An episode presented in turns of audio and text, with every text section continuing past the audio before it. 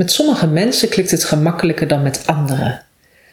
Toch heb je niet iedereen voor het uitkiezen, bijvoorbeeld je familie en je schoonfamilie. Leer wat te doen bij problemen tussen jou, je partner en jullie beide families. Over psychologie. Kies partij voor al je dierbaren. Hallo, ik ben Mirella Brok, relatietherapeut en schrijver. En je luistert naar mijn artikel Kies partij voor al je dierbaren van overpsychologie.nl. Kinderen voldoen graag aan de verwachtingen van hun ouders. En dat geldt misschien ook wel voor jou. Dan pas je je gedrag misschien aan op hun verwachtingen. Maar wat nu als die verwachtingen van je ouders niet overeenkomen met die van jouw partner en dienstfamilie? Oneenigheid in partnerrelaties en families oplossen begint met een dialoog. Met het dialoog leren jij en je partner over jullie familie en hun verwachtingen. En zorg ervoor dat je begrijpt welke belangrijke boodschap jullie familie heeft voor jullie samen. Hoe doe je dat? Deel 1. Voer bijvoorbeeld deze vier gesprekken met je partner. En neem daar meerdere avonden de tijd voor. Joh, neem er je hele relatie de tijd voor. Gesprek 1. Vertel je partner welke verwachtingen je vroeger en nu van je ouders voelt en over hoe je probeert te voldoen aan die verwachtingen. Gesprek 2. Vertel je partner over jouw ouders en hun kijk op de liefde. Weet je deze antwoorden niet? Ga dan eerst eens met je eigen ouders of familieleden praten. Gesprek 3. Wees nieuwsgierig naar je partner en vraag eens naar de verwachtingen die hij of zij voelt van je schoonouders hoe je schoonfamilies kijken op de liefde is. Gesprek 4. Bespreek samen met je partner wat volgens jullie de voor- en de nadelen zijn van deze verschillende verwachtingen.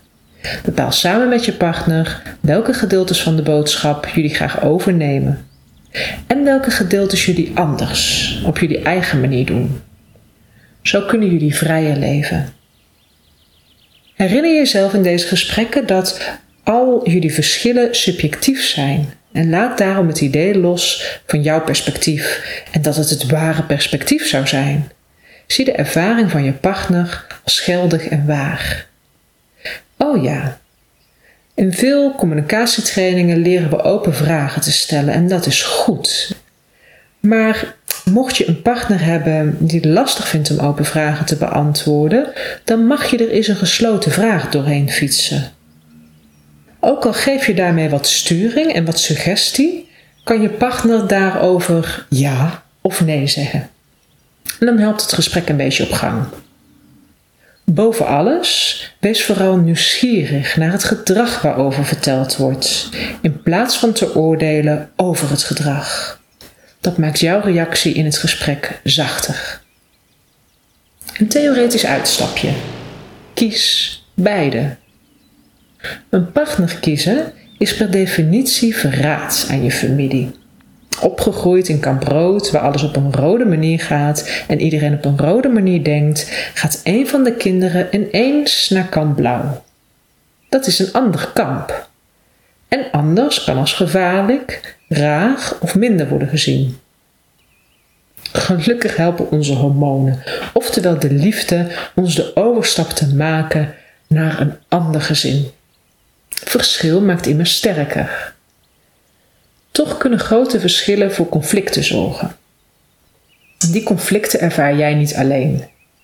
Je familie, geliefde en dienstfamilie ervaren het waarschijnlijk ook zo. En welke kant kies je dan? Alle kanten kiezen, dat geeft de meeste kans van slagen. Dus dwing jezelf of anderen niet om te kiezen, maar leer beide kampen kennen en waarderen.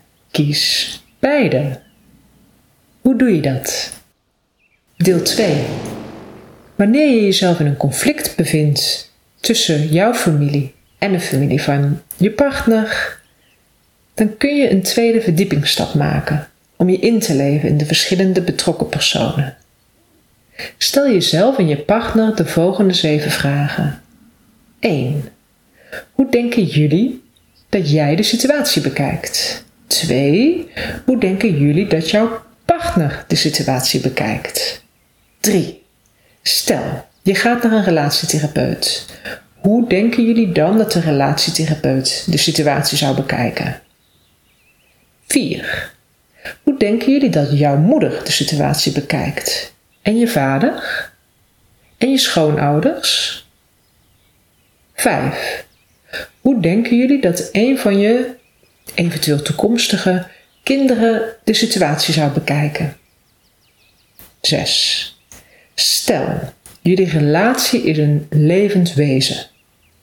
Hoe zou jullie relatie dan de situatie bekijken? 7. Hoe kunnen jullie nu samen loyaal zijn naar beide families, terwijl je doet wat voor de meeste partijen op de lange termijn goed is? Dus kies partij voor al je dierbaren. Kiezen voor één partij is op de lange termijn geen gunstige keuze. Probeer daarom alle partijen te kiezen. Dan leer je te kijken naar een onderwerp of een conflict van alle kanten en partij te kiezen voor alle partijen.